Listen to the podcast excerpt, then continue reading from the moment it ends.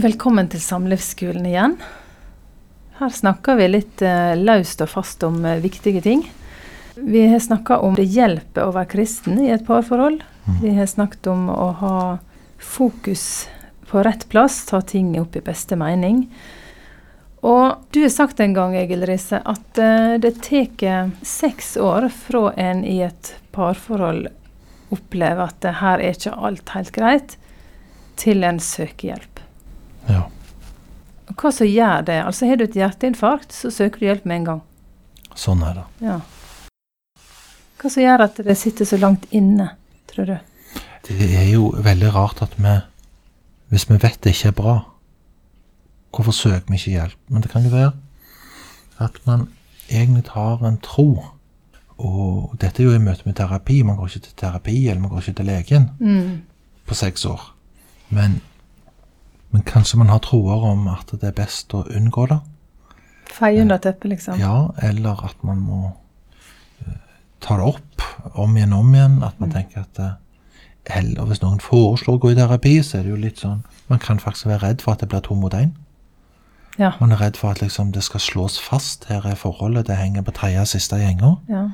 Og så skal det bli to stykk som skal finne ut at jeg er feilen. Og det man ofte er redd for når man ikke tar tak i ting, kan, eller ikke tar tak i eller unngår, det kan være å komme i en situasjon der man kjenner seg maktesløs eller hjelpeløs. Det kan være man er redd for et krav om at man må forandre seg, og ikke ser seg i stand til det.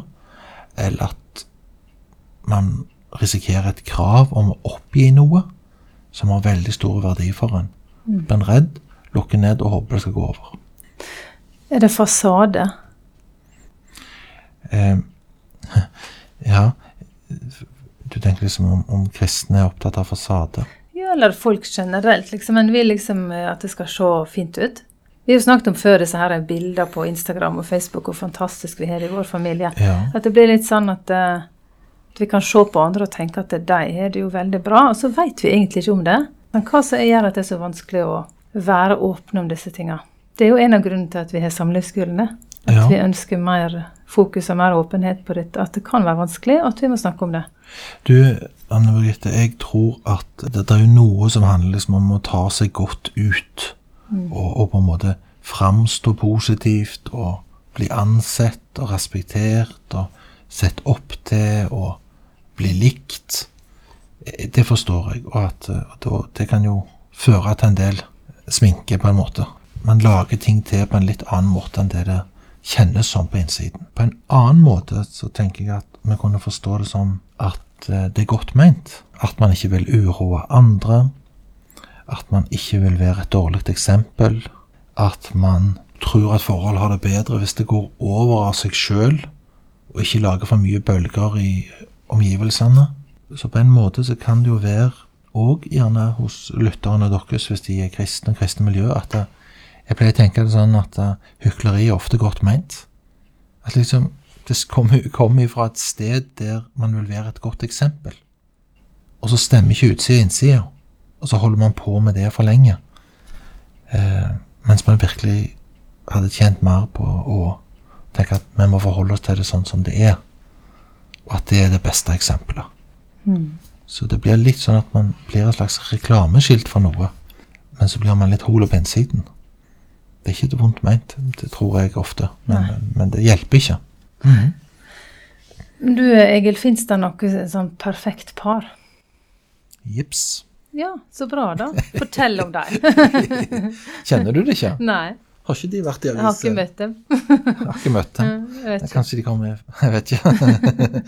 Nei, jeg, jeg tror ikke det er ordet for parforholdet. Jeg tror ikke det er noe å tilstrebe heller. Jeg tror at det å være godt nok parforhold, være et, ha et godt, godt forhold, det er et mål. Godt eller godt nok, det er et mål. Og Det er som seiling. Bølgene kommer av seg sjøl, vinden kommer av seg sjøl, været er der. Og det kan man ikke gjøre noe med. Men man lærer seg at det er noe man må forholde seg til på en bestemt måte. Man må samarbeide i møte med livets skiftninger, det som skjer, på en, på en måte. Ikke slåss i båten, liksom. Ikke slåss i båten når bølgene kommer, Ja. og tenke at det er noe feil med oss. For det er mye som hører livet til. Det er veldig mye som hører livet til. De på en måte klarer å leve med oppmuntring, positive holdninger, og de klarer òg å samarbeide rundt de svakhetene de har, når det blåser for mye og bølgehøyden er stor.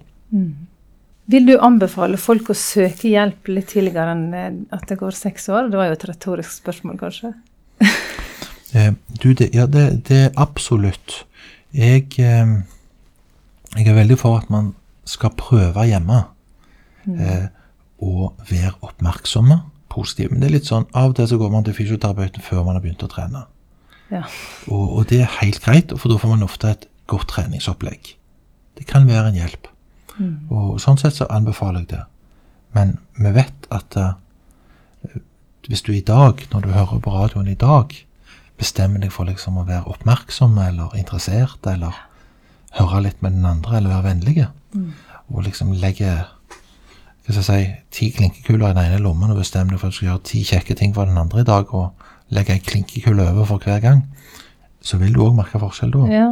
Men jeg vil gjerne si at det er bra å søke hjelp for å få det til tidligere. Lære seg noen grep. Eksempelet er dette. Hvis det var sant at halvparten skiller seg, da er det jo sånn at vår største investering ofte i Norge er ofte å kjøpe et hus.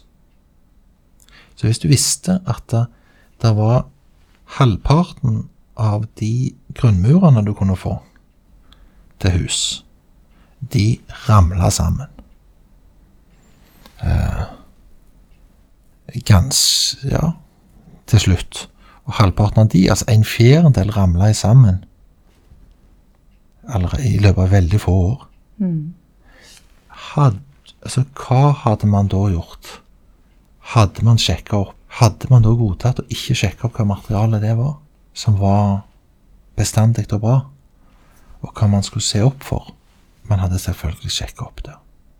Så noe er jo skam òg, at man, man skjems over at man trenger å lære. At man skjems over at man har kommet i en situasjon. Eh, Jeg vil si det at de fleste par, når man får problemer, så begynner man egentlig å ligne på hverandre. Så trøbbel ser nokså likt ut hos menneskene. Ja. You are not alone. Så du føler gjerne Er det bare oss? Er vi helt håpløse? Du blir redd for at det er umulig, at man har gjort feil. Men det er ofte Dette har jeg jobba med i veldig mange år. Truffet mangfoldige, mangfoldige par. De fleste ting som skjer, som er vanskelige, ligner. You are not alone. Og det er ofte grep å gjøre med det. Der er håp, Egil. Oftest er det håp, og det gjelder sannsynligvis deg at det er håp. Det gjelder sannsynligvis dere. Det er sannsynligvis håp for akkurat du som lytter. Det er iallfall sånn du må tenke. For du er, hvis du er i trøbbel, så er du redd at håpet gjelder de andre, og ikke deg. Men når man er fortvila, så, så, så ser det virkelig så umulig ut. Men det er ikke, det er ikke min erfaring. Når man er fortvila, så bør man søke hjelp, få innspill, få gode vaner. For det er verre å reparere enn å bygge godt. Det er verre når det har kjørt seg til, enn når det har eh, hva skal jeg si, bare vart et par år. Og vennligheter, det små vennligheter kan du begynne med allerede i dag. Små vennligheter går det an å begynne med akkurat i dag. Og se hva som skjer. Eh, Kikke, kikke på den andre med vennlig blikk i fem, sammenhengende fem sekunder. Se hva som skjer. Smile. Se hva som skjer.